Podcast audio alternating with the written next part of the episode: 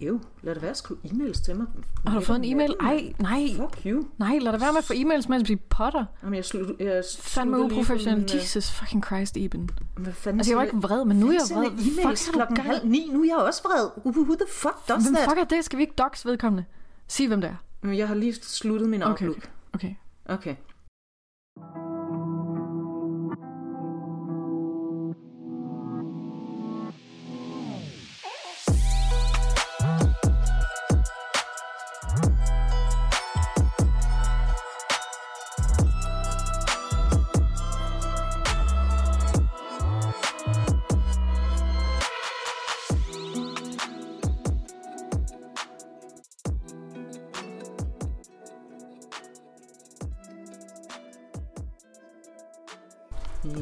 så skal jeg lige... øh, Der sidder en vores vindue.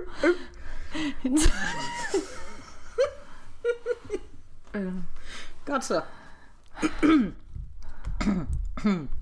Hej så. Iben. Hej Iben. Hej. Hej. Er du klar på at øh, høre, hvordan det går med Skattebjørn? I, øhm, altså når man har sagt A, Ja, så må man også sige B, og nu er vi ved afsnit, øh, afsnit C. ja det er, også, det er faktisk også sådan, jeg har det. Altså, Rather not be doing this, men altså, nu, nu, nu er det det, vi gør. Det er utroligt, hvor hurtigt vi blev slaver for vores egen podcast. Ja, men seriøst, næste gang, altså, jeg skal have noget med, med mindre noter næste gang. Du ved, det, det, det noget mindre research-tungt med mindre noter, because this is bullshit. Mm.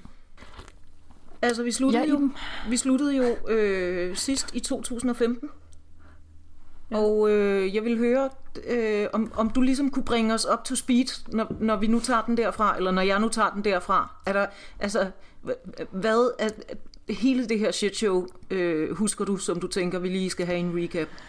Okay, hvis vi lige skal have en recap. Mm-hmm. Øh, way back when i 2003, der besluttede en, øh, en, en venstreledet regering så for at sige, fuck, fuck skat, eller hurra for skat, de kan godt klare at blive sparet lidt på. Så de lavede sådan en kæmpe masterplan, som Mhm. øh, samtlige regeringer, øh, røde som blå, hvis man tror på den slags forskel, øh, blev ved med at køre, uanset hvad øh, fagpersonale omkring skat de egentlig øh, anbefalede. Der var ovenikøbet en Cepos-mand, som sagde, ah, nu sparer vi lidt for meget. Det var, var rimelig Det var voldsomt. Ham skal vi også høre fra i dag. Ja, han var homie. Øhm, altså, er relativt homie, ikke? Øhm, Det var Otto. Ja, det var Otto. Og øh, man sparede, man sparede, man sparede, og man havde kæmpe store forhåbninger til EFI-systemet, som var sådan en, man skulle øh, samle alle beregninger og udbetalingsservices og alting Mhm. mm-hmm. i skat til et øh, knivskarpt interface. Mm, og der, hvor vi slap historien endeligt, var da EFI blev endeligt lukket. Det vil sige, så den her bjørn, skatte, skattebjørn, Ja, og det, var jo, det kom så jo af, at jeg sammenlignede den med sådan en, sådan en bjørn i en kæde, som, som bare blev mishandlet til at danse, og det, Ja. ja. det var ret synd. Mm. Ja, det var skattebjørnen. og den blev endelig sat til hvile for evigt. Ja, I man besluttede sig 2015. simpelthen for at, at, at put it out of its misery. Ja, efter man bare havde, havde taget den årskat i, Ja, i overvis med alle, med alle advarselslamperne sådan larmende og sirener i baggrunden, Ja. øh, var man bare blevet ved. Og indtil flere sådan skatteminister havde sagt, hey, øh, det var opgaven på mit bord. ja what, what are you gonna do? Øh, samtlige finansministre var skide ligeglade. Nogle af dem havde nogle konsulenter bag sig, som vi åbenbart tager alvorligt. Because reasons. Især dem, der ansætter ministeren senere til en toppost. Øhm, så det var der, vi var. Vi sluttede i 2015. Ja. Bjørnen sover for evigt. Ja, Og nu står vi så... Øhm, støvet lægger sig. eller gør det. Fuck. Altså fordi, altså nu skal vi jo have en ny bjørn. Skal vi nu også det? Ja, det skal vi jo. Kan vi ikke bare gå tilbage til pen og papir? Altså sådan en sten, sten, stentavle. Vi skal, altså, vi skal, vi skal jo have et skattevæsen. Mhm. Øhm, så nu sætter vi et genoplivningsforsøg ind på den her bjørn. Altså, der var tale om sådan en medlidenhedsaflivning, men, men man kan heller ikke have, ikke have den, så... Ja. Okay. Der stod vi i 2015, øh, medarbejderne skulle hjem og se der undergang. som de skrev på deres intranet. Øhm. Så det, der skal ske nu, Sara, det er jo, at øh, vi skal have et nyt IT-system. Ikke? Ja da. Altså, det skal vi jo. Mm. Vi skal ikke bare have et. Vi What? skal have to. To. Ja. En i hver farve. Ja. Uh. Så, vi skal først øh, have et system, som hedder PSRM. Slum. Public Sector Revenue Management. Kan du ikke bare... Altså, Okay. Public sector revenue. What? Management. Uh. Ja. Det lyder som om, at man bare har sådan... Øh, bare kastet sådan alle mulige corporate ord op i luften. Ja. Og bare sådan, åh oh, okay, det er det, vi gør nu. Du er sådan senior human resource uh, uh, pl- platform designer of in charge. Ja. Og nu er jeg jo faktisk glad for, at vi øh, sidst fik sat en stor fed streg under, hvor meget en milliard faktisk er. Fordi mm. øh, det synes, synes jeg på en eller anden måde også hjælper til at anskueliggøre nogle af de her tal, øh, som jeg også kommer til at smide efter dig senere. Mm. Men øh, vi har altså en økonomisk ramme her på 1,1 milliarder kroner til det nye. Det jeg kommer til at kalde det PMS fra nu af. Jeg kan lige så godt sige det. Hell yeah. Yes, okay. Det kan Nå, jeg godt det, udvikles, det skal udvikles af noget, der hedder øh, Netcompany. Hey, Netcompany, dem kender jeg. Nå, okay. Øhm, Jeg håber ikke, at du er Øhm. venner med nogen derinde, fordi... Øhm, jeg har været til jobsamtale i Netcompany. og du fik det ikke. Nej, jeg var til to Okay, fuck jobsamtaler. dem, så kan jeg godt svine dem. Så først, ja, ja, fuck dem. Fuck dem. Alle jer, der lytter fra Netcompany, og det, det gør I. Øhm, Mhm. I, skulle have, I skulle have givet mig jobbet, mens I havde chancen. Guess what? Nu er det mig, der ikke vil have jer. Ja. På det her tidspunkt, der har vi en tidsramme, der siger, at det her øh, PMS-system, det skal være udviklet, færdigudviklet senest i 2018. Spoiler Ja, alert. vi, har, vi, har, vi har gode erfaringer for at give sådan to-tre års. Spo- spoiler alert, vi er i 2020. Øhm, og, på det, og på det tidspunkt i 2018, der skal øh, 800 offentlige instanser være koblet op på systemet. Så, og, og så sende deres data om gæld. Det er ikke det eneste. Hold kæft, jeg elsker det ambitionsniveau. De bliver fucking ved. De bliver De ved. bliver ved med at lægge barn fucking højt og bare være sådan, you know what, det kan vi godt. Det kan vi godt. Ja, det kan vi sagtens. Sagtens. Ja, ja, optimismen er øh, himmelråbende. Men det er jo ikke nok. Det var så skatteinddrivelsen. Uh-huh. Så har vi jo også et andet lille problem, øh, som jeg fortalte om sidst. Og det var det her med, at øh, ejendomsvurderingerne var gået fuldstændig i fuck. Og, og skattevæsenet udsendte en eller anden galop- galopperende fejlagtig øh, ejendomsvurdering. Og alle, øh, du- du ved, hele den øh, boligejende middelklasse gjorde berserker oprør, og de måtte betale, jeg ved ikke hvor mange penge tilbage, og alt muligt fuckery. Det skal vi også have fikset på. Mm.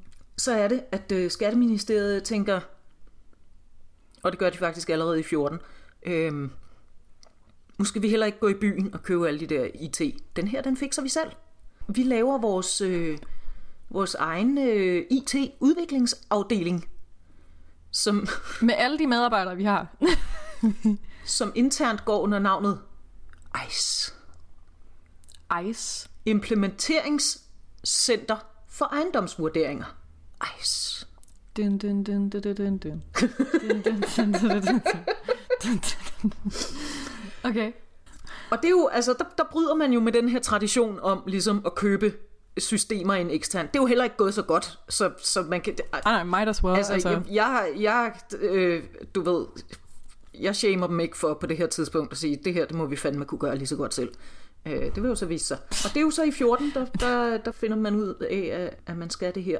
Mm. Øhm, og allerede i 15, der øh, har vi noget, der hedder Statens IT-råd.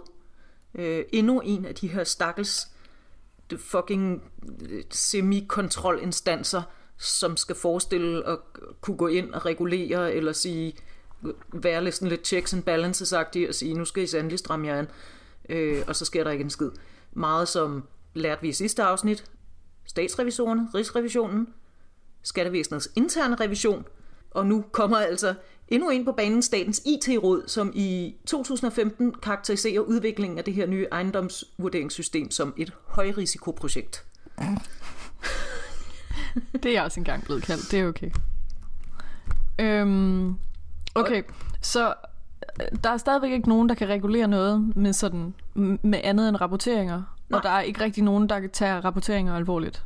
Nej, eller der er ikke, Vel, eller de altså- siger, de siger, at men, men prøv at høre, det, det, vi har fod på det her nu. Ikke? Det kører. Vi skal bare Igen de lige... der jubeloptimister hen fra, fra, fra venstre hjørne, altså det er fedt. De bare sidder der Altså, det, det ville jo være med sødt. ja-hatten på, langt ned over øjnene. Det ville være sødt, hvis de ikke bare øh, altså, spildte så mange af vores penge. Men øhm, Ah, Hvad fanden skulle vi ellers have brugt dem på? Kom nu.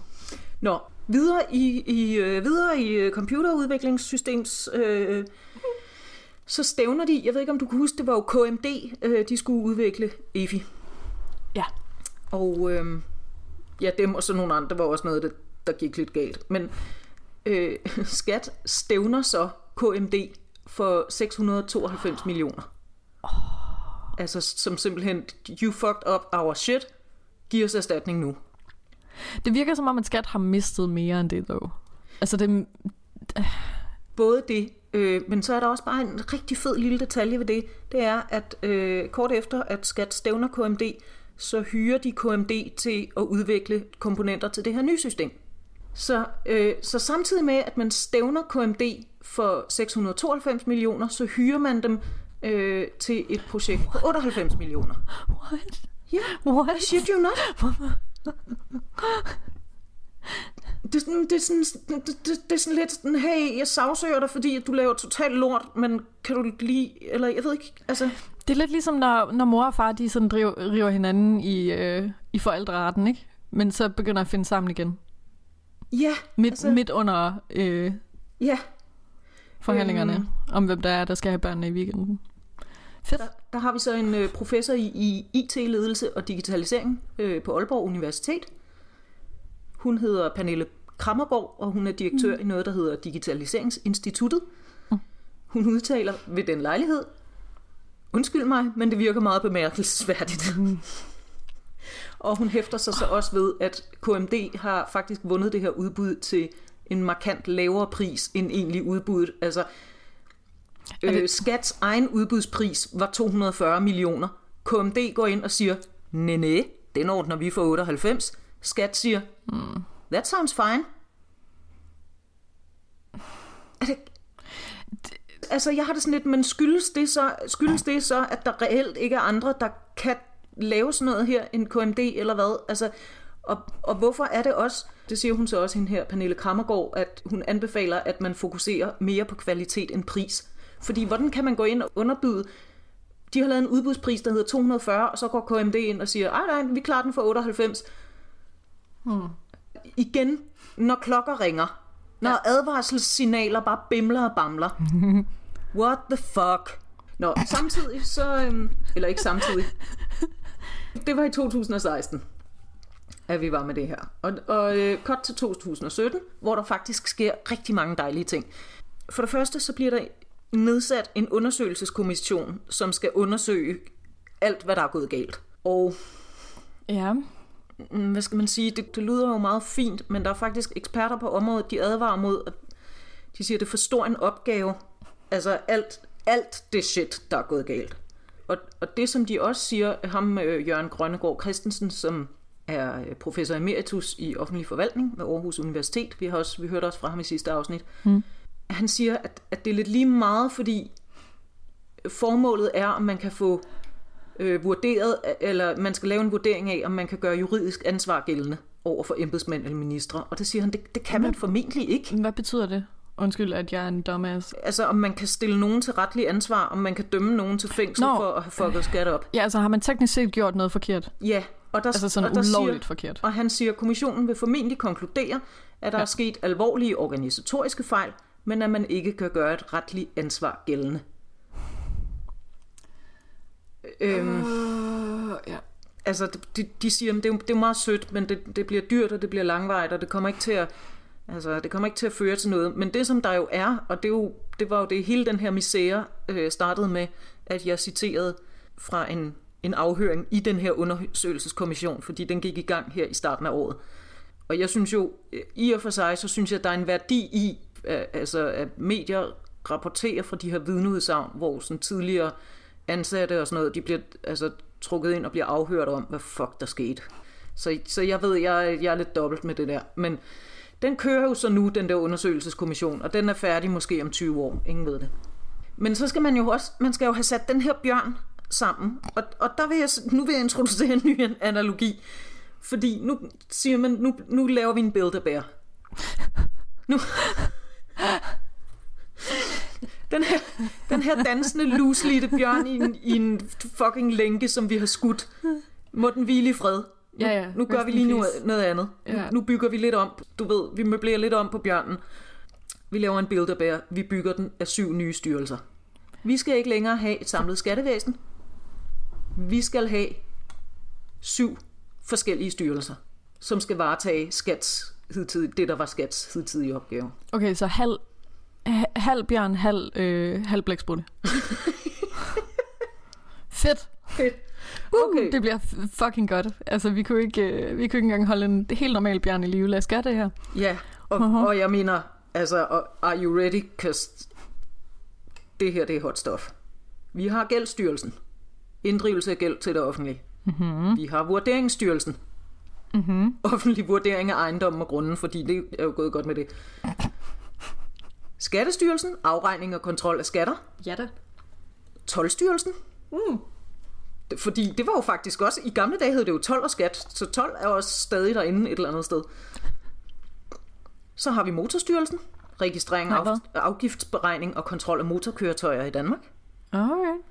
Øh, det, det er ligesom de fem fagområder, og så har man de to sidste styrelser, de er så tværfaglige, mm. og skal varetage sådan, ja, tværgående opgaver. Vi har Okay. Administrations- og Servicestyrelsen, som bare er admin. HR, bygninger, indkøb, Ja. udføring. Ja, That's ja, it. ja. Og så har vi, og jeg elsker sådan det her, især i forbindelse med et move, hvor man har splittet en organisation op til syv, mm. Udviklings- og Forenklingsstyrelsen. Deres opgaver er That's cool. drift, vedligeholdelse og udvikling af IT-systemer, mm. behandling af data samt målrettede udviklings- og forenklingsprojekter på tværs af skatteforvaltningen. Så det er sådan, det, det her, vi har vores ICE-center. Der skete en anden ting i øh, 2017. Ja. Der skete mange ting, så derfor så vil jeg ikke øh, sætte dig på spot ved at spørge, kan du huske, hvad der ellers skete i 2017? Jeg var i dårligt Du humør. ved, du ved det faktisk godt, når jeg siger det. Ja. Øhm, vi havde jo en, en regering, Lars Løkke Rasmussen. De havde, så en, de havde en dejlig plan. Mm-hmm. Planen den hed Et Danmark i balance. Og some shit like that. Jeg kan faktisk ikke huske det ordret. og Jeg har ikke givet at google det, fordi who the fuck cares. Ja, ja. Men uh, hvor uh, det, som de synes, efter at Lykke havde gennemført strukturreform, centralisering af superhospitaler og sådan noget, så ja. kom han i tanke om, hov, der er ikke nogen, der gider at bo øh, og arbejde, mest fordi vi har nedlagt alle arbejdspladser, som findes øh, uden for de større byer. Så nu skal vi udflytte. Jeg ved ikke, hvor meget den offentlige sektor, især de dele, vi ikke bryder så meget om. Right, så fordi vi har lavet helt vildt meget københavneri, skal vi af med helt vildt meget københavneri. Ja, Ja. Og, og, vi skal, og det var jo sådan påfaldende nogle gange, at det var også nogle styrelser, der havde sådan nogle vagthundefunktioner, som blev flyttet ud. Men mm. nu skal vi jo alligevel ruske op i denne her build eller vi skal bygge en ny. Mm. Så lad os da for helvede også bare kaste stumperne rundt i landet. Ja da! Ja, spredhavl. Let's, uh, ja ja. Vi øh, kaster det ud som konfetti over det danske land. Det bliver fucking fedt. Ja, yeah. Ja da. jeg ved ikke, om du kan huske fra sidste gang, at vi havde, vi havde de skatteansattes øh, fagforbund Ja. med en virkelig frustreret formand, der hed Jørgen Ries. Yes. Det har jo ligesom været øh, et kerneproblem i hele den her udflytningssaga med alt, hvad der er blevet udflyttet. Det er det der med, der er et videnstab, når du flytter. Fordi Ja. Der kommer en stor øh, personaludskiftning, fordi det er ikke alle, der lige gider at rykke alting op med rode og flytte til Jylland, Nej, hvis de nu har bygget sig et liv og et netværk. Så, Nej det er jo fair. og det går, det, går så øh, øh, fagforbundet ud og advarer imod, mm. øh, siger, at det, det kan komme til at koste kompetencer, og de siger også, at skat kan ikke holde til at miste kompetencer. Altså, husk på det her tidspunkt, der ligger lortet i ruiner, altså. Så øh, jeg synes, vi skal, nu skal vi høre fra et par medarbejdere i skat, øh, fra nogle af dem, som er udflytningstruede, så at sige. Aha. Øh, det skal sige, noget af skat ligger allerede, altså der findes allerede øh, centre i Jylland, men det er jo også, ja. Altså så er Jylland heller ikke mindre. Hey, hey. Altså det er pretty fucking important, om du bor i Esbjerg eller Aarhus, sådan, øh, i forhold til, hvor dit arbejde ligger. Sonja Ek, 61 år. Hej Sonja. Hej Sonja. Hun siger, tag nu bare min situation. Jeg kan kun blive i Horsens, hvis jeg dropper den opgave, jeg har opnået stor viden om, nemlig selskabsskatten, og flytter mig over på helt andre opgaver. Hvis jeg vil fortsætte med at arbejde med selskabsskat, mit nuværende speciale, skal jeg flytte helt til Ringkøbing. Så kan jeg overveje at søge ind på de opgaver, der flytter til Horsens, eller søge til Middelfart, hvor de skal inddrive gæld, for det er en rimelig afstand til mit hjem ved Vejle. Men der skal jo først læres op, inden jeg kan gøre nytte. Åh. Prøv at høre, Sonja. Hun Ej, har hun ikke er så... mange år igen til pensionen. Nej. Sonja, hun har fucking sat sig ind. Hun har dygtiggjort sig. Hun har et speciale. Det er fucking selskabsskat. Mm. Sonja, hun har fucking knoklet for jeres lorteskattevæsen i større dele af et helt liv, og hun har, spe- hun har specialiseret sig. Og hun... Det er bare sådan... Jeg bliver så rasende, når jeg læser sådan, fordi... Og, og, og hun er jo sådan... Hun er helt omstillingsparat. Men, Jeg synes men netop også, hun er samtidig... super sød. Altså sådan, hun er sød over evne. Hun Men- kunne godt have været sådan... hun kunne også godt have sagt, no fuck you bitch, men hun er jo sådan helt, øh, hun er helt omstillingsparat, men, også, men mere ja. sådan bekymret for, at Nå, men hvis jeg skal lære sig op i noget nyt, så, så går der jo tid med det, og så... For helvede. Jeg håber, hun har fundet en, en god plads, hvor hun er henne. Jeg håber, hun har fucking fået lov. Hun udtalte det her i 2016. Jeg håber, hun har fucking fået lov at gå på pension i mellemtiden, eller efterløn, eller et eller andet, fordi Sonja fortjener ikke det her lort. Sonja det. fortjener bedre. Ja, det var Sonja. Okay. Nu skal vi høre fra Nils F. Andersen, fag, Niels, fuck. fagkonsulent i skat. Hvad står F for? Det melder historien ikke noget om. Okay. Han skriver, mm-hmm. han, han skrev et debatindlæg. Ja. Dygtigt orkestreret af et tykt lag spin om, at der også findes masser af høj kompetence i Jylland, undgår regeringen behendigt at tage ansvar for, at planen med dens massive omfordeling af opgaver mellem det nye skats lokationer udløser det maksimale kaos-scenarie netop nu, hvor vi har allermindst brug for det. Uanset hvor intensivt de til dels allerede udflyttede og snart stærkt decimerede HR-medarbejdere hos Skat forsøger, findes der ikke færdiguddannede, velkvalificerede ansøgere, som kan glide direkte ind i de ledige stillinger. Ah, yes. Okay. Han var ikke, Sonja var flink. Hun prøvede at sige det på sådan en lidt sød personlig måde. Nils han giver ikke en fuck. Ej, godt klaret, Niels. Godt mm, sagt. Mm. Godt, godt brølt. Godt. Ej, undskyld, jeg kan ikke. Godt brølt, Niels. Godt brølt, Niels. fucking- Ja, ja. Det er også bare så irriterende at høre nogen sige noget. Altså, det er så irriterende at høre nogen sige noget, der er øh, så rigtigt, men også bare så simpelt. Ja, Sådan og, lidt, og altså- vide, at manden Duh. bliver totalt ignoreret. Ja, Fordi så er der jo nogen... Øh, Ja, Så er der jo nogen henne på politikken, som finder på at spørge øh, Carsten Lauritsen, skatteministeren, øh, om en kommentar, og så siger han, ja, der er en risiko for et videnstab. Sådan er det altid, når man ændrer noget.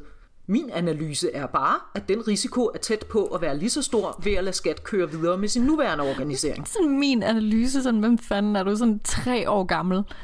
Og man siger sådan, få nu fucking sko på. Og så siger han, jamen jeg har ikke nogen fødder. Med, Så du ved, hvor man er sådan, "Be- hvad, okay, jamen det er min analyse. Det er sådan den ultimative, lad os være enige om at være uenige. Men det er også sådan, hvad med de arbejdere, der sidder med det? Hvad med deres fagforbund? Mm. Hvad med dem, der har fucking forstand på? Vi har jo været inde på det der før, med at dem, der har forstand på det, øh, de bliver skubbet til side for sådan en, en slags pseudo-eksperter, som skal...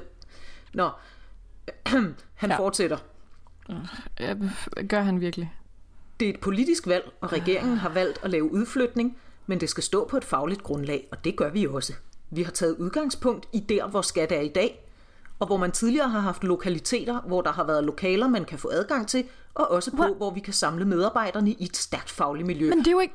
Det, han siger ikke noget til noget. Han, han siger vidderligt ingenting. Det der, det er, det er pis. ja, Hvad fuck er, det? nemlig- Altså, Hvad fuck ja, er det? Du sagde, han sagde ingenting. Ja, og så bliver han spurgt direkte! Oh. hvad er vigtigst for regeringen at genoprette skat eller udflytte statslige arbejdspladser? Og så siger han, heldigvis er det sådan, at det ene ikke udelukker det andet.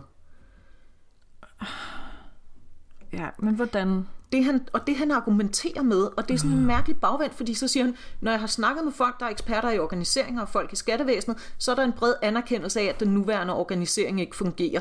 Ja, bitch, selvfølgelig fungerer den nuværende organisering ikke. I har sparet den i smadre. Mm-hmm. Altså, løsningen er ikke at så bare sige, Nå, men så fuck de rester af faglighed, der trods alt er tilbage. Mm. Det er jo hans argumentation. Det, det står allerede så skidt til, så det er faktisk lige meget. Det, det han nærmest siger er, at det kan ikke blive værre. Men det kunne det. Spoiler altså, alert. Igen. Åh oh, nej. Uh. Det her, det var i 17. Der udflyttede vi. Udflytningen og de, og de syv nye styrelser var gældende fra sommer 18 cut til 2019 hvor vi øh, kan læse følgende overskrift i Berlingske Tidene. Regeringens udflytning af skattestyrelser har hæmmet inddrivelsen af milliardgæld. Rigsrevisionen er på banen igen. Rigsrevisionen tror stadig, nogen giver en fuck for, hvad de siger. Hvem fanden er Rigsrevisionen? Rigsrevision. Men det værste er, at det er jo deres job. Altså, jeg tror, ja. Rigsrevisoren har det jo bare sådan en, det er jo lige meget, hvad jeg laver. Jeg kan jo lige så godt bare gå hjem og se Netflix. Men nej, det er Rigsrevisionens fucking job at gøre det her. Og det er bare sådan, men hvorfor? Der er jo ingen, der taler om pseudo-arbejde, mand. Oh, det minder mig... Det her, okay, må jeg smide en uh, metafor mere ind? Ja. Okay, så Rigsrevisionen, det minder mig om de der, de der falske jobs, som der er nogen, der, der, er nogen, der har... Nej, det er så falske er de heller ikke. De der jobs, som, som vagter henne ved Væltet Hegn på Roskilde Festival, mm-hmm. hvor at de har ikke beføjelser til at angribe folk eller stoppe folk. Det er jo bare sådan nogle, det er bare sådan nogle fucking teenager i, i orange vest, ikke? Sådan lidt ligesom FN-soldater, is what you're saying. Ja, så de skal bare stå lidt og holde lidt øje.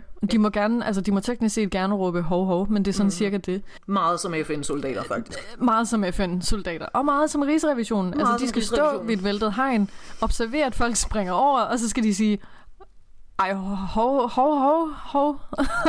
og det er så det, de må. Og Nå. alle andre k- bare kigger efter dem, og øh, giver dem fingeren og løber videre.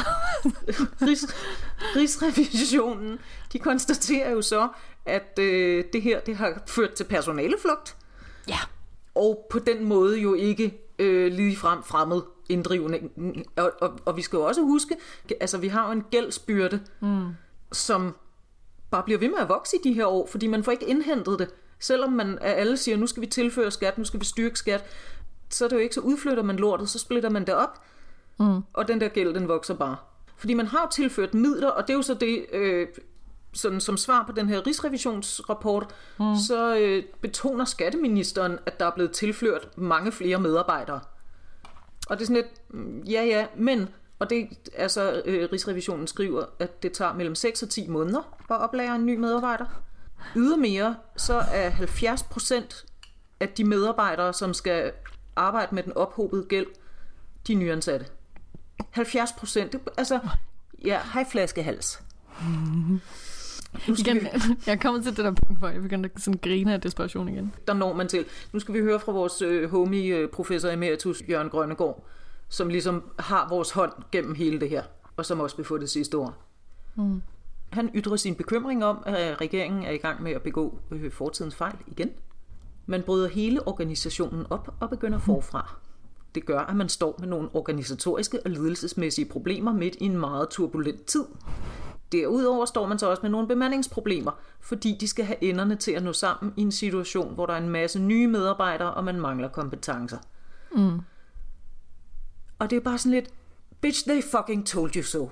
De sagde, det her ville ske. Ja.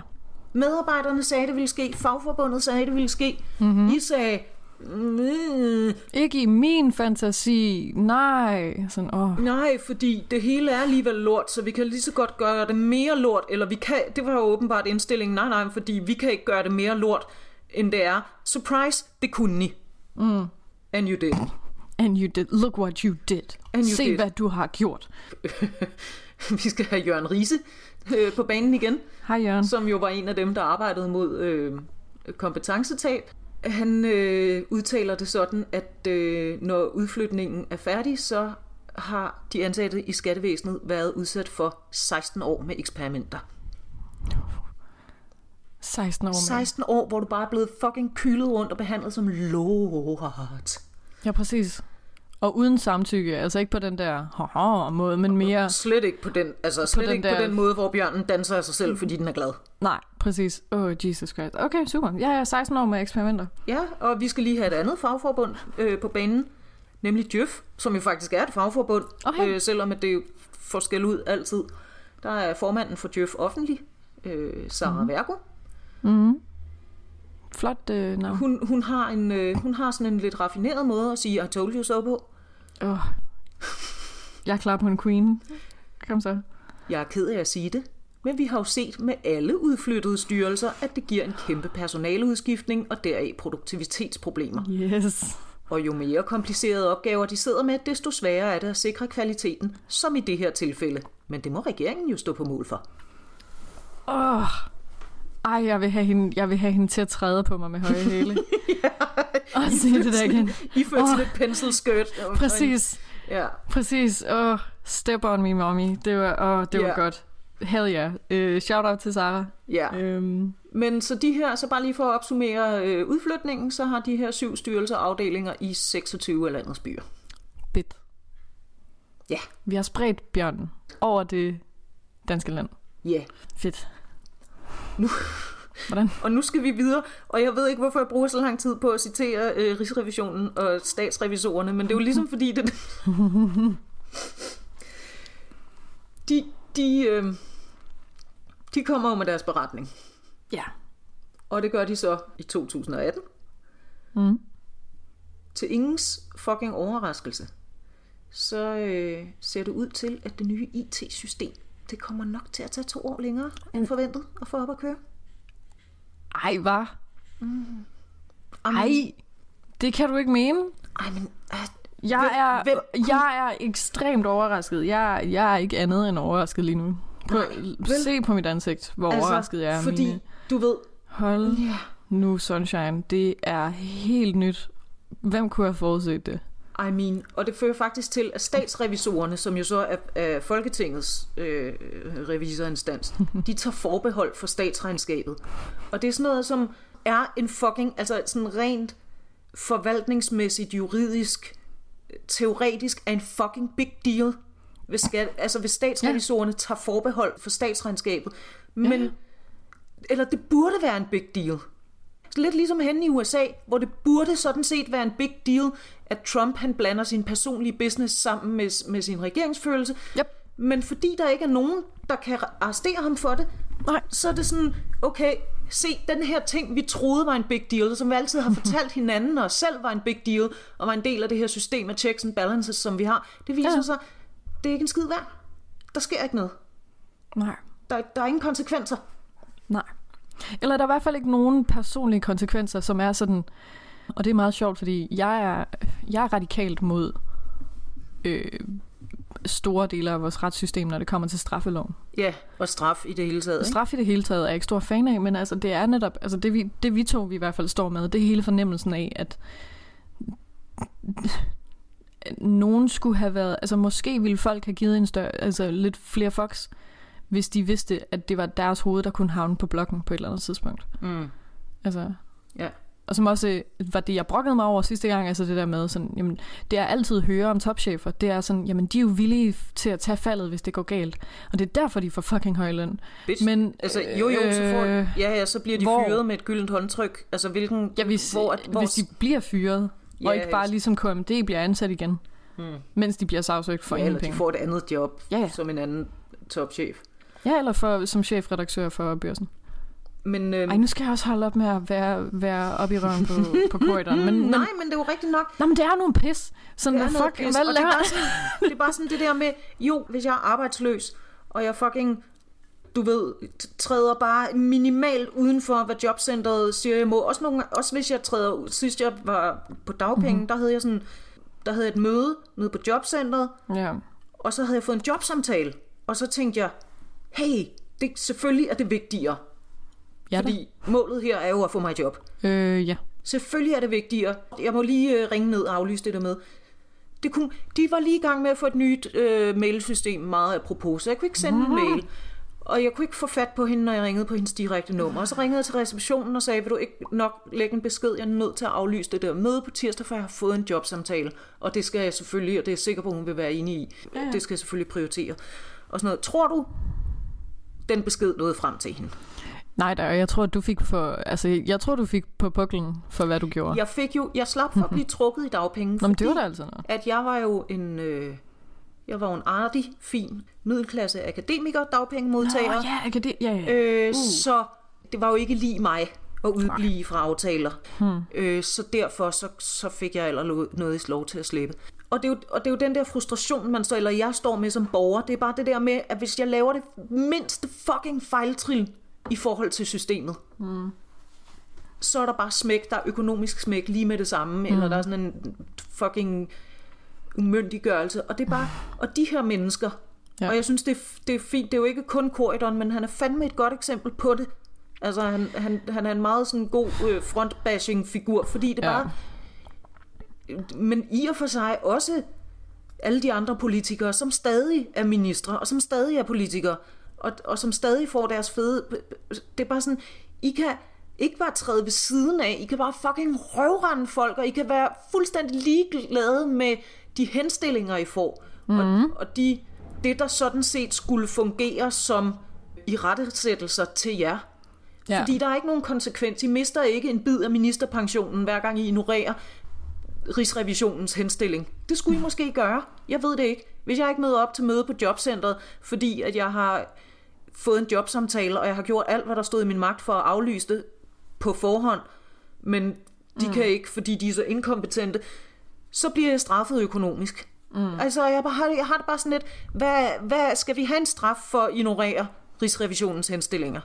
Skal vi bare sige, at alle ansvarlige ministre og embedsmænd, de får bare taget et chunk af deres løn, eller deres fucking pension, eller et eller andet, jeg ved det ikke, men jeg bliver, det er så frustrerende. Eller at man i, i det mindste skal, altså vi skal have på skrift, hvad ens svar er.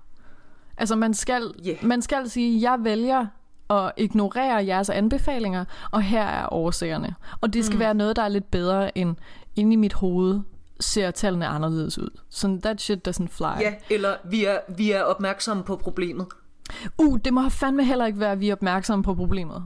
Altså, altså så skal der er være... sådan Ja, fuck det. Nå. Øhm, men jeg, ja, jeg er også vred, men jeg er vred af ja, dobbeltmoralen. Altså, hvordan bunden bliver sådan bare øh, håndset omkring. Ja, Altså, umyndiggjort, som du selv sagde. Jeg kan huske, øhm, da jeg var på dagpenge sidst, at man, skal sådan gå online på en eller anden, en eller anden offentlig hjemmeside, eller jobindex, eller Ja, whatever. Og så skal man trykke på en knap mindst en gang om ugen. Ja. Ja. Tre gange man glemmer det, og så er man fucking ude. Ja. Øh, det er så mærkeligt med den der skide knap. Om du skal bare, der, der, der sker ikke rigtig så meget, man skal bare trykke på den. Nå, men det er bare det der, øhm, altså det er bare det ja. der med, at på en eller anden måde, øh, jo fattigere folk bliver, jo længere ned i systemet de kommer, Mm. jo mere skal de yderligere umyndiggøres og kontrolleres og hunses med og straffes. Ja. Og, og åbenbart helt deroppe, hvor man rent faktisk laver fuck-ups, der koster Reelt mange penge. Altså, der, vores skattegæld er lige nu på 116 milliarder. Og den steg, som vi kan huske fra sidst, fra 50 der i, i 2005, da det helt, som, som, mm. jeg tæ- som jeg tror var sådan et base level af ja. altså udstående. Ikke? Den er mere end fordoblet. Og det er bare sådan, ja, yeah, what are you gonna Du kan jo ikke drage nogen til ansvar. Nej. Så vi har sådan to, to ekstremer, hvor at vi ville i virkeligheden foretrække et eller andet sted imellem, og at alle havde det, det samme ansvar. Altså selvfølgelig kan du ikke... Ja, øh, og, og, selvfølgelig kan du ikke sådan... Koncept, vi talte jo også om sidst, hvad der sker, hvis vi, ved du hvad, hvis jeg Ja. fuckede op, og hvis jeg lavede et eller andet stunt på min arbejdsplads, der gjorde, at jeg fordoblede vores underskud. Ah, det ville bare være en helt almindelig tirsdag. I mean, hey. Nå, men, men for, for nu at komme tilbage, mm. altså det var så det her IT-system. Der er også den her nye gældsstyrelse, den begynder sådan at indse, at der, der er ting, vi aldrig får tilbage. Enten er det blevet forældet i mellemtiden, det her shitshow har jo stået på for fucking ever. Så øh, nu bliver der i slutningen af 2018, der mm. vælger gældsstyrelsen at eftergive og slette gæld for i alt 5,8 milliarder kroner. Så det var, det var 5,8 milliarder, vi bare aldrig ser igen. 5,8 milliarder, som bare falder til havets bund. Ja, Men det var, så det, det var så det ene system. Det, er lige, det bliver lige lidt forsinket. Uh, Øhm, fandme mange Tobleroner. ja. Det, det er fandme var mange Det, der, Tobleroner. det er mm, latterligt mange. Det er sådan en Joachim von And tank fyldt med topkroner. Eller mere. Mm. Nå, men øh, det var det ene. Det var det der PMS øh, øh, system. Det bliver lige forlænget i to, i to år, ikke? Her i 18. Så du ved, any day now, tænker Ja, ja, ja. jeg. Fordi 2018 er ved at være to år siden. Så jeg tænker, det, det, det får vi, det any day. Men så er der jo øh, det der andet IT-system. Kan du huske det? Det er, hvor, hvor skat vælter at sige, du hvad, den, tager- den tager vi selv, den her. Vi har et lækkert øh, center, der hedder ICE. Dun, dun, dun, dun, dun, dun, dun. Dun, Dun, dun, dun, dun, dun, dun. Vi har erfaring med det her, eller det har vi ikke, men hvor svært kan det være at projektstyre øh, øh, sådan, en, sådan en lille sag? Og det var også det, som, øh, jeg, jeg ved ikke, om du kan huske, øh, Statens IT-råd kategoriserede som et højrisikoprojekt. Ja da. Og det er altså det her nye system til ejendomsvurderinger. Yes. Men øh, IT-rådet, de, de er åbenbart flinke, så selvom de sagde, det er et højrisikoprojekt, så, så øh, gik de med på, at øh, man skulle sætte projektet i gang, øh, fordi det hastede, inden at man vedtog en ny lov om ejendomsvurderinger. Mm-hmm. Øh, og så aftalte man, at Skatteministeriet fik udsættelse med at udarbejde en business case med budget og tidsplan. Men at den skulle foreligge, så snart en ny ejendomsvurderingslov var vedtaget. Altså, så, det- så det man siger er, jo, I kan godt gå i gang, fordi det fucking haster. Så det er fint, gå i gang, inden den nye lov foreligger. Men så snart den nye lov foreligger, så skal I også være klar med jeres. Ja, ja, ja. Hold kæft for desperat, hvor er det sødt. Ja. Yeah. Åh, Og det er jo så øh, Skatteministeriets, den her udviklings- og forenklingsstyrelse, yes. som nu har opgaven der. Yes. Øhm. Øh, skandinavisk minimalisme. Mm. Ja. Og øh, den her nye ejendomsvurderingslov, den lå klar øh, sommer 2017. Mm. Tror du, Udviklings- og Forenklingsstyrelsen er klar med en business case med budget og tidsplan på det her tidspunkt? Selvfølgelig er det det. Ja, ikke? De Jo, kan, da, altså, jo, der kom nu. hey. Hallo, det er minimalismestyrelsen, eller sim- den simple styrelse. ja. Ja, Fordi det er og det er det sjovt, mest- du siger styrelse, fordi her, der her, styr kommer, her kommer så endnu en kritik fra Rigsrevisionen, som er, at økonomistyringen Mhm. i det nye system er utilfredsstillende. At projektet er teknisk usikkert, og der er fare for, at det bliver endnu dyrere. Jeg bliver snart, jeg bliver, hvis du, hvis du ikke snart stopper, så bliver jeg en narko, hvad er det nu, det hedder, en narkokapitalist, altså hvor jeg bare sådan, faktisk et helt frit marked ville være bedre end det her. Okay, Bare sådan, lad os nu bare få øh, det, det sorte organmarked til at være oppe i overfladen, altså i stedet for det her pis. Nu vil jeg læse noget op for dig, men nu bliver jeg bange for, at du Nej. begynder at kaste med flasker. Nej, kom nu, kom nu bare. Jeg, Okay. jeg tæller til 10. Yes. Okay. Så det er en, øh, en artikel fra det medie, der hedder version 2. Øh, som er sådan et, et lidt nørdet niche øh, IT-medie. Jeg, jeg kender version 2. Okay. Selvfølgelig. Det Nå. gjorde jeg ikke, så jeg skulle lige have... Nå. Nå. Overskrift. IT-råd har aldrig set noget lignende. Er det, er det for sent nu at fortryde det der med, at jeg aldrig har dyrket yoga eller meditation? Må jeg godt... Øh, Det er aldrig for sent. Vi jeg kan kunne tage godt nogle tips lige nu til at... Med hende der, med hende der damen bare, and don't forget to smile. Don't forget to smile and think about tax evasion. Uh, okay. Okay, Mm. nu citerer jeg fra den her artikel. Yes. Fire år efter at arbejdet med det nye k- komplicerede IT-system blev sat i gang, har det endnu ikke været muligt for den styrelse under Skatteministeriet, der udvikler projektet og opfylde kravet om at indsende en såkaldt business case med tidsplan og budget for projektet til Statens IT-råd, som følger alle større IT-projekter. Jeg tror, det er det eneste eksempel, vi kender, siger Mogens Pedersen, der er formand for Statens IT-råd og til daglig arbejder som kommitteret i Finansministeriet. Systemet kan fortsat ikke bestå de nødvendige tests på en række områder, og der er indtruffet nye risici, fremgår det af notatet. For eksempel kan det nye system ikke udsende breve til borgerne. Ej, det er jo Eller- bare en lille detalje. Nu er de Eller- bare nitpicky. Altså, nu er de bare flueknæppende bare sådan, hallo. Hvis det virker i det store hele. Okay. Eller oplyse, hvilke forhold, der har påvirket vurderingen af en ejendom. Igen, pæst ligegyldigt. Jamen helt ærligt. Altså, hvorfor, er de så, hvorfor har de sådan en nej-hat på, helt ærligt? så øh, det, det, man kan sige, det er, de skylder basically ejendoms, en ejendomsvurdering. Ja. Eller nej, det er faktisk forkert. De skylder ikke én ejendomsvurdering. De skylder 1,7 millioner egen, nye ejendomsvurderinger. De kommer så ikke, og den her artikel den er skrevet i 2018, øh, som sagt fire år efter man begyndte. De her 1,7 øh, nye ejendomsvurderinger, ja. de kommer så ikke i 2019 som hidtil planlagt. Nej, nej. Men først i 2020. Ja da. Hvis der går Any over... day now, hvis der, hvis der går over 8 timer, fra jeg har fået en e-mail til, at jeg får svaret, så får jeg sådan en, hallo, er du der? Altså, man skulle, man skulle, man skulle nærmest tro, at altså, de var større potheads end mig. Sådan at de arbejder så langsomt. Men øhm, nu vil jeg sådan, gerne... Vi skal være færdige i morgen. Vi er ikke startet. Altså bare sådan noget... Huh. Eller måske, okay, det tager jeg tilbage. Måske har de været pisse stressede. Det har bare været en fuldstændig kaotisk... Øh... Ja. Oh, God. Men okay. så er der noget andet, som, som jeg hæfter mig lidt ved, fordi ja. der var oprindeligt, der nævnte jeg 224 millioner, som var, som var rammen for det her nye øh, ejendomsvurderingssystem. Hmm. Og så lige pludselig, så begynder der at stå sådan noget som 1,2 milliarder.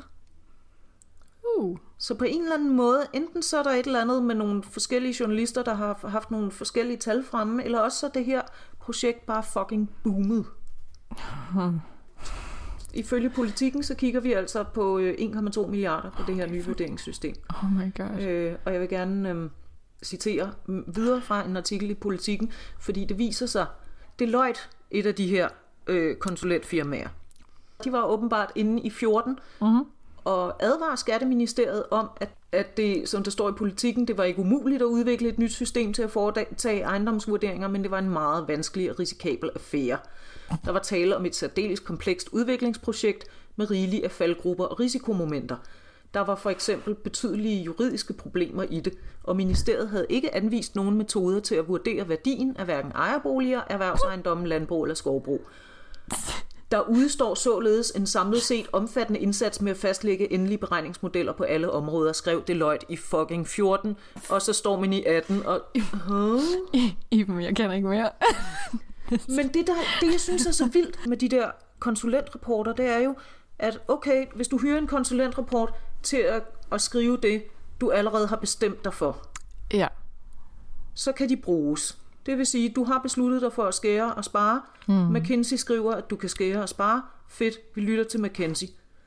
Men når de så er kritiske, yep. så bliver de ignoreret fuldstændig på, på linje med, med alle de her øh, råd og styrelser og sådan noget, som skal forestille interne checks and balances.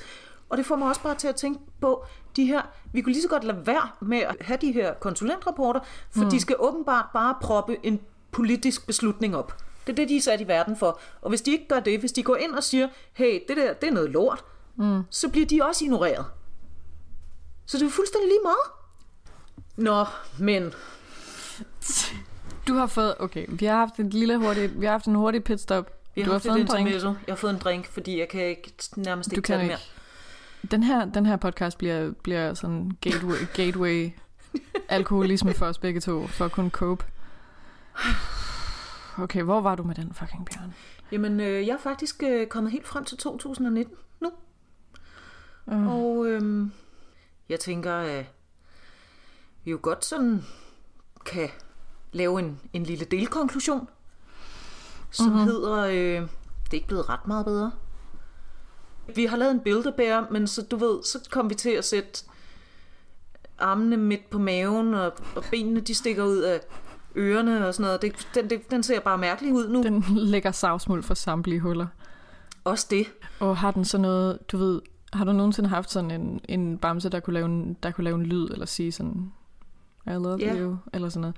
Så når den lige så stille løber tør for batteri, og den, den stemme bliver mere og mere dæmonisk. Det er sådan, jeg har det lidt med skat, altså at den bare sådan. Yeah. Yeah. vi samler en Ja, yeah, og det, og det, men, og det er også... You. love you. og den er også bare, men det er også bare en fucking freakish unge, der har lavet den der Build-A-Bear, fordi Ja. den har bare sådan stukket kropsdele random steder hen. Yikes. Men er der nogen... Men altså, Er der, der, hvilke fremtids... Altså har du... det kommer jeg til. Øh, Okay. Nu skal vi lige høre fra endnu en stakeholder, fordi Uh. øh, noget af det, øh, som jeg ikke ved, om du kan huske, som sådan var helt tilbage, det var, der var noget med en kommunalreform. Der var mm-hmm. noget med noget gældsinddrivelse i kommunerne, som skulle lægges over centralt i skat. Ja. Der var noget med nogle nervøse kommuner. Der var noget med noget, nogle mennesker, som sad i kommunerne og vidste rigtig meget om, om de her forskellige former for gældsinddrivelse, som ikke kom med over i skat. Mm. Og øh, det, der så sker nu i 19, det er, at kommunerne, de råber ikke vagt i gevær, men de, sådan, øh, De siger piv. de er blevet lidt frustrerede. Nå, at er de blevet lidt frustrerede? Nå, da, da. En af grundene til, at de er blevet lidt frustrerede, det er, at øh, de her 116 milliarder, øh, som danskere skylder staten i 2019, mm. 4,4 af de milliarder, det er sådan set kommunernes. Aha. Det er sådan, det, det er sådan, det er nogle af de der penge, som du ved, kommunerne har jo også, de skal, der er noget med nogle børnehaver og noget hjemmehjælp og ting og sådan noget, du ved. Ja, du ved, sådan en jobcenter... Mm. Det er meget vigtige, meget vigtige rykker, der skal sendes ud til folk, der misser øh, aftaler i jobcentret og sådan noget. Så, så, så 4,4 af de her milliarder, og, og man kan sige ud af 116, mm. det lyder måske ikke så meget, men, men kommunerne synes, det her, det skulle være lidt nedere. Kommunernes Landsforening, de skriver så et lille brev til skatteministeren. Aha. De skriver blandt andet, der venter kommunerne en omfattende opgave, der styringsmæssigt, ledelsesmæssigt og organisatorisk vil være yderst vanskelig at håndtere, og som økonomisk set kan komme til at overstige udviklingsomkostningerne til det nye inddrivelsessystem. Det, som de har lidt svedige håndflader over henne i kommunen, det er, at det her nye øh, PS, PS, PMS-system, altså EFIs afløser, den skal sådan set kunne tale sammen med over 100 kommunale IT-systemer. Ja da. Ja da. Og øhm, Det er da ikke meget at forlange. der er det så, at øh, en af øh, professor Søren Lausen fra IT-universitetet, Mhm. han siger, vi har den der mange leverandørverden med utallige sammenkoblede systemer, som vi bare tror, vi kan stryge en enkelt mm. gang med jernet, og så er det helt glat. Ja. Sådan virker det ikke. Ham her professoren, han siger, han kan ikke udelukke en gentagelse af IFI-skandalen. Ja, Og han advarer om, citat, at det endnu engang går i fisk. Ja. Hvad skulle, vi, hvad skulle vi gøre uden eksperter, som man kan ignorere systematisk? I mean, I know. Og nu kan man så også er så ignorere skønt. kommunerne. Ja da. De, øh, de, endnu et, øh, her kommer et citat mere fra det der brev til skatteministeren. Øh, de siger, at kommunerne udtrykker i stigende grad frustration over samarbejdet med især Gældsstyrelsen, som kritiseres for manglende information og lydhørhed over for kommunerne. Hvad gør Carsten Lauritsen? Han roser skat for deres omstillingsparathed og deres gå på mod deres go-getter-attitude, deres, deres omstillingsparathed. Det tror jeg, han gør. Ja, han giver kommunernes landsforening en næse. Nej, what? Fordi, Nej, are you kidding? ja, de skal sgu da ikke, de skal da ikke, de skal da ikke komme og De være skal da sådan ikke komme der. der og brokke sig over Nej, de skal ting, der er galt. Hvad fanden? og Oh, Jesus. Okay. Hmm. Og så øh, siger han, umiddelbart inden han går af, at i 2019, altså i år, har vi Ja. normaliseret gældsinddrivelsen fremadrettet. Den, den, Okay, den synes okay. han, det kunne han godt, det, den ville han gerne love. Okay. Men, Men så, Ja. har vi, øh, jeg kunne mærke et men. Så er der jo valg i 2019, det er jo ikke så lang tid siden, den 5. juni. Nej, heldigvis. Vi får nu en ny skatteminister. I det mindste vil jeg sige, altså svingdøren er jo blevet mindre, Ja. Så på den måde er der kommet en lille smule ro på. Mm. Vores ny øh, skatteminister Morten Bødskov, han siger, ja, nej. Der er ikke styr på gældsinddrivelsen. PSRM kommer ikke til at kunne inddrive den nye gæld for 2019. I mean, altså i det mindste altså respekt for at sige, til, sige det ærligt. Ja, og det skal ikke, er det ikke skægt? Det var jo i virkeligheden den rolle, som Lauritsen havde i 2015. Der sker jo også noget, når man sidder og bliver syltet ind i alle de der fejl. Ja. og selv begår et par stykker oveni. Ja. Fordi i 15 var det ham, der kom ind og sagde, okay, så stopper vi. Mm.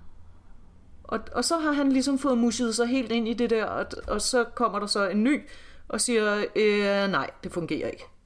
Nu skal vi høre fra øh, statsrevisorerne. Skal vi? Ja, og, der Okay. okay. kommer, og, og fordi det er ligesom, det her det er den seneste, de har lavet. Mm. Så den, den kommer jeg lige til at citere lidt sådan at length, fordi øh, den her, den kom de øh, med i september 2019, så det er ligesom deres seneste. Det er sådan, mm. her er vi nu. Okay. Kan du ikke putte baggrundsmusik på? Når du læser det op. Hvad? Ja, igen, så, vil jeg, så tænker jeg mere sådan noget med folk, der skriger og sådan noget. Men Det kan vi også godt. Altså, vi kan godt prøve at se, om vi kan finde, om vi kan finde folk, der skriver. Altså sådan et eller andet sådan, måske sådan et eller andet horror musik, sådan... Ja, præcis. Sådan noget soundtracket fra Tjernobyl eller et eller andet. Nå, Okay, ja, ja. Sorry, jeg lytter. Statsrevisorerne finder det meget beklageligt, at Skatteministeriets udvikling af det nye inddrivelsessystem og tilslutning af fordringshaverne er væsentligt forsinket i forhold til ministeriets forventninger og planer. Planen var, at alle fordringshavere skulle have været tilsluttet PSRM medio 2019, men der er en risiko for, at Skatteministeriet først i 2020 eller senere vil kunne inddrive gæld for alle fordringshavere med PSRM. Statsrevisorerne konstaterer, at Skatteministeriets planer og forventninger har været for optimistiske, og at ministeriet har undervurderet kompleksiteten og omfanget af opgaven med at udvikle et nyt inddrivelsessystem. Statsrevisorerne finder det meget utilfredsstillende, at Skatteministeriet ikke har orienteret Folketinget om den utilstrækkelige fremdrift i projektet. Skatteministeren har således gentagende gange fastholdt forventninger og planer over for Folketinget. Statsrevisorerne baserer sig blandt andet på, at Skatteministeriet ikke i tilstrækkelig grad har sikret, at PSRM fuldt ud kan understøtte inddrivelsesopgaven med den forudsatte funktionalitet og volumen. Mm. At Skatteministeriet ikke har sikret, at fordringshaverne blev tilsluttet PSRM i den takt, som ministeriet havde forventet og planlagt. Mm. Størstedelen af tilslutningsforløbene er skubbet fra 2018 ind i 19, blandt andet på grund af tekniske problemer og ny viden om fordringer og kvaliteten af data. Denne forsinkelse gælder også for de fordringer, hvor Skatteministeriet selv er fordringshaver. At der fortsat er stor usikkerhed om Skatteministeriets planer for tilslutning af fordringshaverne, da ministeriet ikke har overblik over omfanget af de resterende opgaver og det forventede tidsforbrug. Burn. Statsrevisorerne skal gentage, at forsinkelser i inddrivelsen af gæld til det offentlige har en række negative konsekvenser. Økonomiske tab for staten, retsfølelsen i samfundet bliver påvirket negativt, og borgernes og virksomheders tillid til skattemyndighederne bliver mindre. Statsrevisorerne finder det hensigtsmæssigt, at der sideløbende med at udvikle og videreudvikle PSRM sættes mere ind med supplerende tiltag, der kan begrænse skabet for statskassen. Og så slutter de bare af med det svedigste øh, embedsmandssprogsburn, jeg længe har læst. Det er i øvrigt værd at bemærke, at Rigsrevisionen og statsrevisorerne alene forholder sig til projektets fremdrift, ikke til ministeriets valg af metode i forbindelse med arbejdet. Stone cold. I mean... Stone cold. Uh. Uh, damn. Ej, jeg ville, jeg ville ligge i seng i fire dage, hvis jeg havde fået sådan en e-mail. Oh, Jesus Christ. Ja, Oh, oh de bliver så the suppleret. elegance. the savagery. Oh, The drama. It is amazing. Savage. Ja. Nå, lektor i datalogi ved Københavns Universitet, Erik mm. Fryg her, han øh, bakker op og siger, at problemerne er markant stigende. Han udtaler til Berlingske, Skattemyndighederne har igen fejlbedømt alvoren. Det er dybt tragisk, og det forhindrer sammen med problemerne med det nye IT-system, at vi kan komme ud af suppedasen i en situation, hvor vi har 116 milliarder kroner ude at svømme. Det er urealistisk at få de penge hjem, siger han til avisen. Ja. Hvad siger de henne? Øh, fordi det der PSM-system, det skulle udvikles af nogen, der hedder Netcompany. Ja. Så øh, hvad siger de henne i Netcompany? Uh, det var der, hvor du ikke blev ansat. Ja, jeg kom til første, første samtale, og jeg kom til anden samtale. Der var, sådan, der, var, der var flere ting, der gik skide godt. Altså, jeg har det som om, at jeg sådan bestod samtlige tests, som de havde, men så tror jeg bare, de synes, jeg var virkelig ubehagelig at snakke med. Om jeg har sådan virkelig sådan en fornemmelse af, at sådan, I kan virkelig ikke udstå mig. Altså sådan, Gud. I, Ja. ja, øhm, which is fine. Men altså, øh, direktøren for Netcompany, han, øh, han udtaler jo til DR, når man læser Rigsrevisionens rapport, får man indtryk af, at man står med et system, der ikke virker. Og det passer ikke. Jeg kan bare sige, at fra den stol, jeg sidder i, virker vores system. Hvad er der med jer og jeres fantasi? Sådan, altså, øh, den der, den der sådan akutte f- forestillingsevne. Hold da, damn. Altså, jeg troede, jeg havde tendens til at dag, dagdrømme. Du ved, sådan mit, mit blik bare sådan Ja. fader ud over Ja. horisonten, og så begynder jeg at forestille mig sådan fantasiverdener. Øhm, wow, okay. Ja, altså helt Fedt. fra hans stol, der, der virker systemet. Så sådan er det. Nå, men vi skal Nå, lige have ja. gjort status her, fordi vi, øh, vi er jo i... øh, Vi er jo i 2019, og. Ja. og det bliver ligesom her, at jeg, at jeg afslutter. Men vi er jo ikke helt færdige endnu, fordi nu skal vi lige, vi skal lige have samlet op af bundsløjfe. Så, Ja. så okay, de her IT-systemer, de er klar i 2020, helt sikkert. De er klar i 2020. Ja da. Any day now. Ja da, kom nu. Any lige fucking day now lidt. er de klar. Lo, lo, lo, lo. Så det er godt.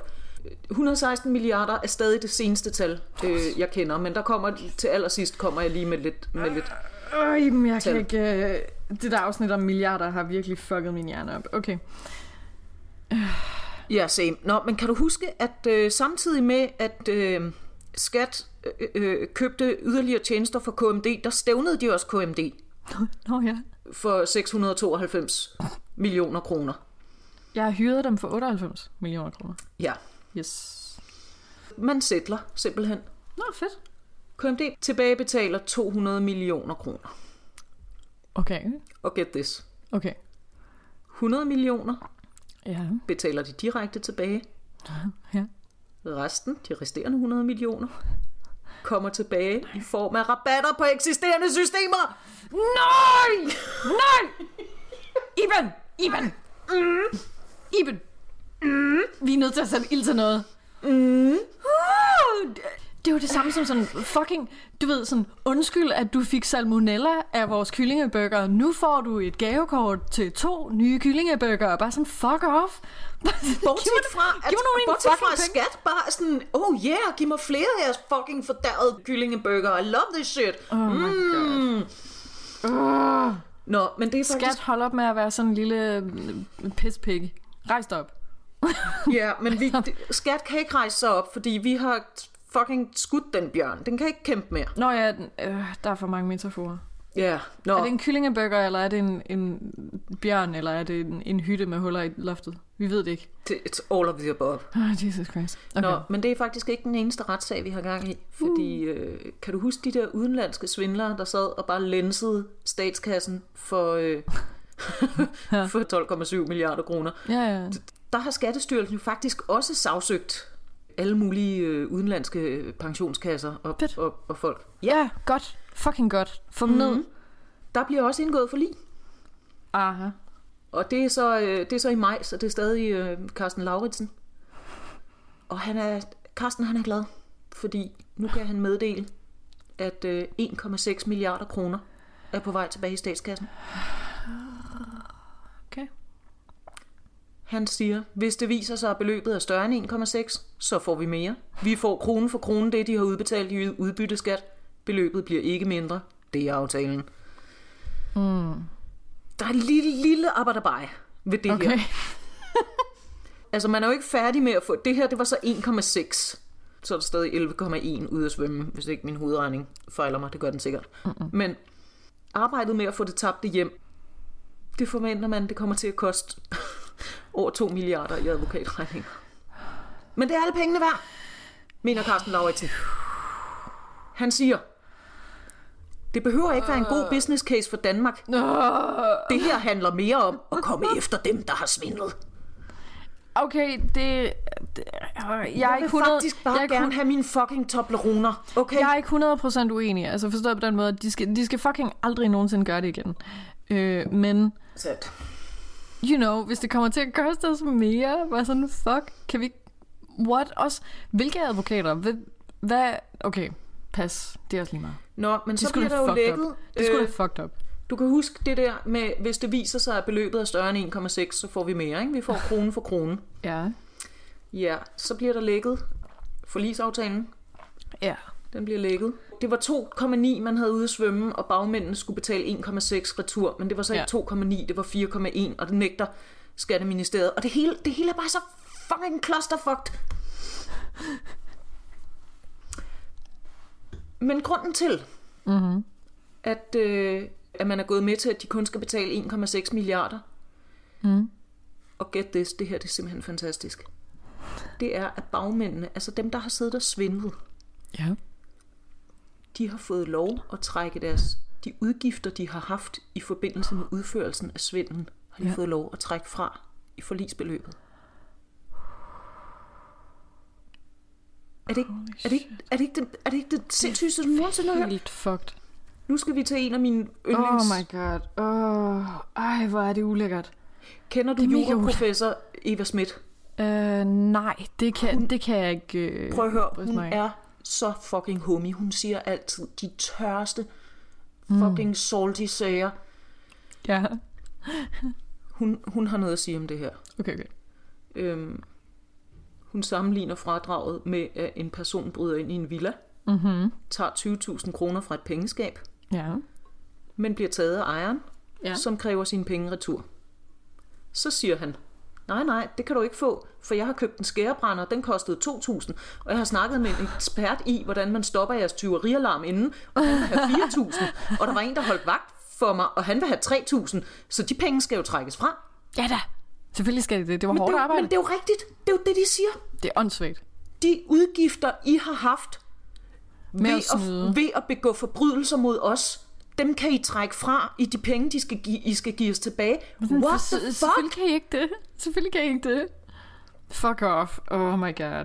Så den svindel der, øh, det fastholder Skatteministeriet så, det var kun 2,9 milliarder.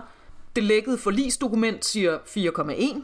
Uanset hvad, mm. så er 1,6, det er hverken 2,9 eller 4,1. Og det er simpelthen fordi, de har fået lov at trække deres udgifter til svindlen fra. God! Øh, Ikke være i det her. Iben, Men, øh, jeg har det dårligt. ja. men, at- men det er altså her, vi er. Jesus. Og øh, der er alle mulige småsager, og, og frankly, så har jeg allerede talt for længe, så jeg gider ikke sidde og opregne dem, fordi jeg, jeg kan ikke engang opremse alle de ting, der stadig ikke fungerer. Det eneste, jeg vil sige her, øh, det er, at øh, Berlingske Tidene, de har gravet lidt i sagen, og øh, de er ko- kommet frem til, at øh, Skatteministeriet har fået siden 2016 117 røde advarsler Oh my Ja. fra sin egen vagthund, som er Skatteministeriets koncernrevision, men som så har på et tidspunkt blev overtaget af Rigsrevisionen. Super. Det er simpelthen det- 117 røde advarsler, og det er jo sådan, sådan nogle advarsler, de har så forskellige koder, og rød, det er selvfølgelig den værste. Mm. Og det har de ikke fortalt til Folketinget. Cause why the fuck would they? Ja, ja. Okay. Peter Skærbæk, som er professor i revision ved CBS, han siger, at der er ingen tvivl om, at de mest alarmerende af rapporterne, der eksempelvis peger på risikoen for tabte skatteindtægter eller lovbrud fra skattevæsenets side, mm-hmm. er alvorlige og naturligvis har relevans for Folketinget. Ja da. Det er altså den, det er den billede, der bærer, vi står med nu. Øh, og så vil jeg slutte af med... Øh, ah, næst slutte af. Jeg vil lige øh, give lidt tal, for jeg har prøvet, jeg har let efter, om der er nogen, der har lavet en opgørelse af, hvor meget det her lort har kostet os indtil nu. Altså fra 2003 og, og Ja, frem. og jeg, har okay. ikke, og jeg har ikke kunne finde en.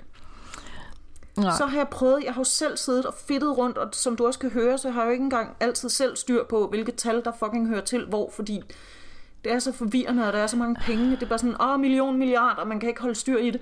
Der er også virkelig mange tal, som er sådan ekstremt politiske, Ja, kan man, kan man sige, så det kommer også lidt an på, hvem Men... du har fået dine tal fra. mm. men der kan vi jo allerede se, at der er et tilfælde, hvor Skatteministeriet siger 2,9, og en lækket rapport siger 4,1. Så what the fuck?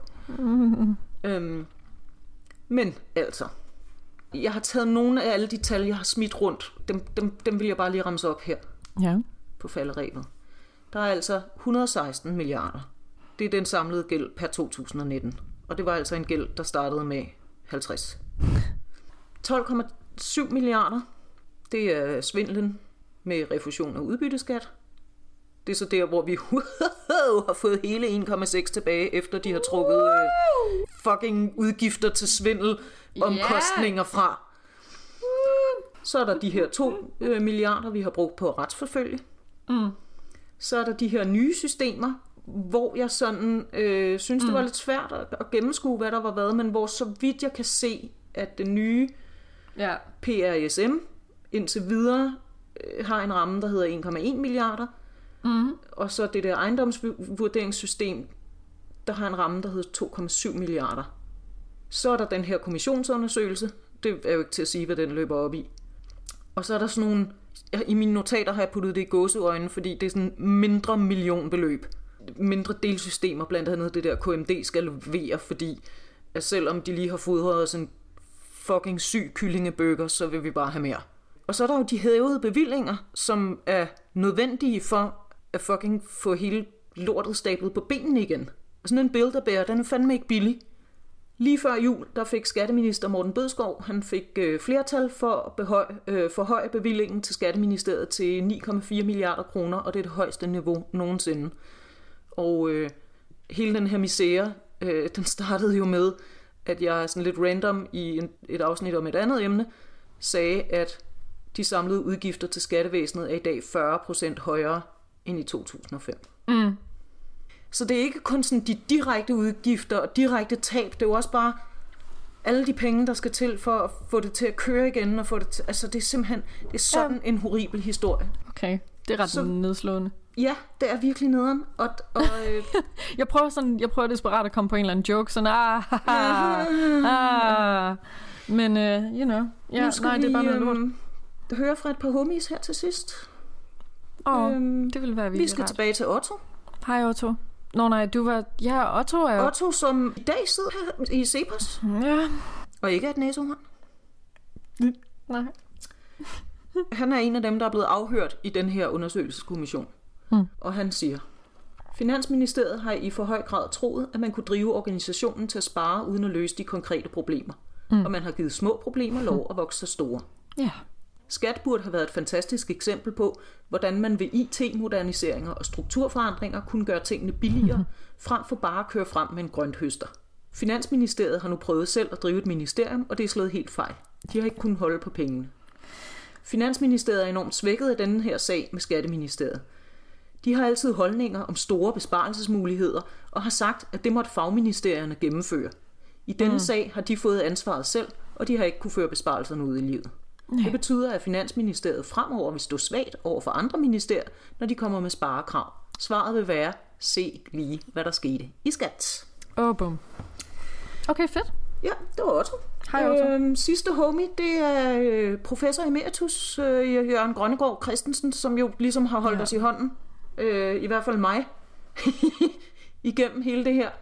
Mm.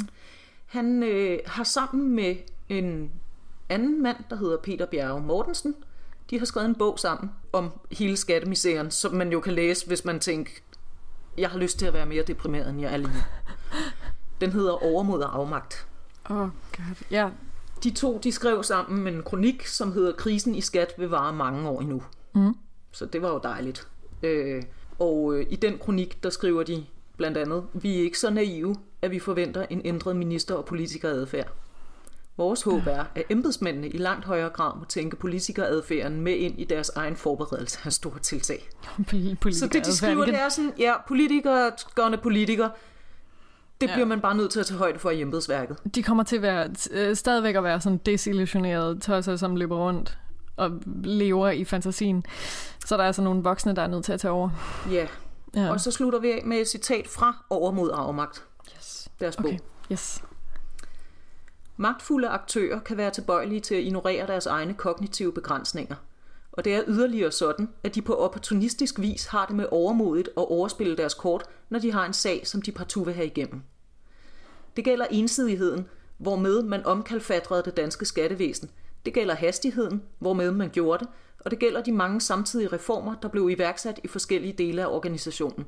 Det måtte gå galt, når man holder det op imod, hvad vi generelt ved om de alvorlige begrænsninger på, hvad de mennesker og de organisationer, de befolker, kan kapere og præstere.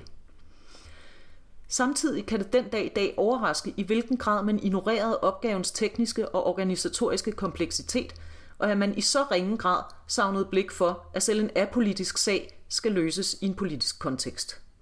Man troede fuldt og fast på, at her kunne man få det hele for det halve, og det i løbet af en treårs tid.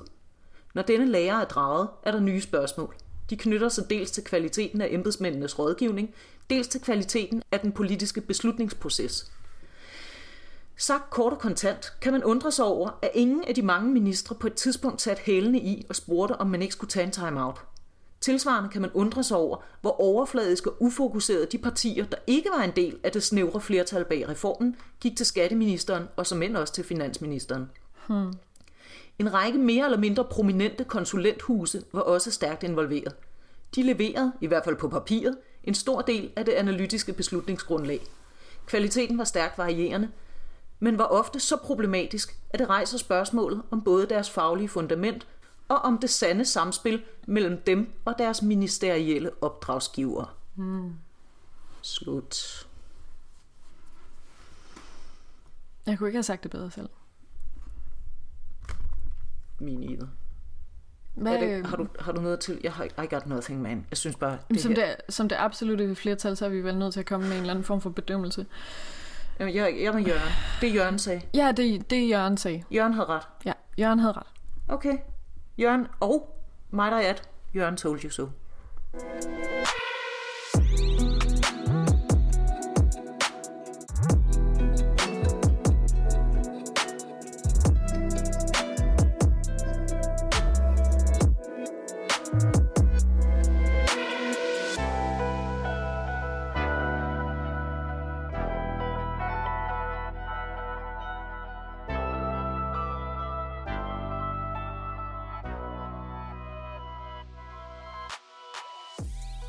Det var virkelig sjovt, fordi det var dengang, hvor jeg boede i et kunstnerkollektiv.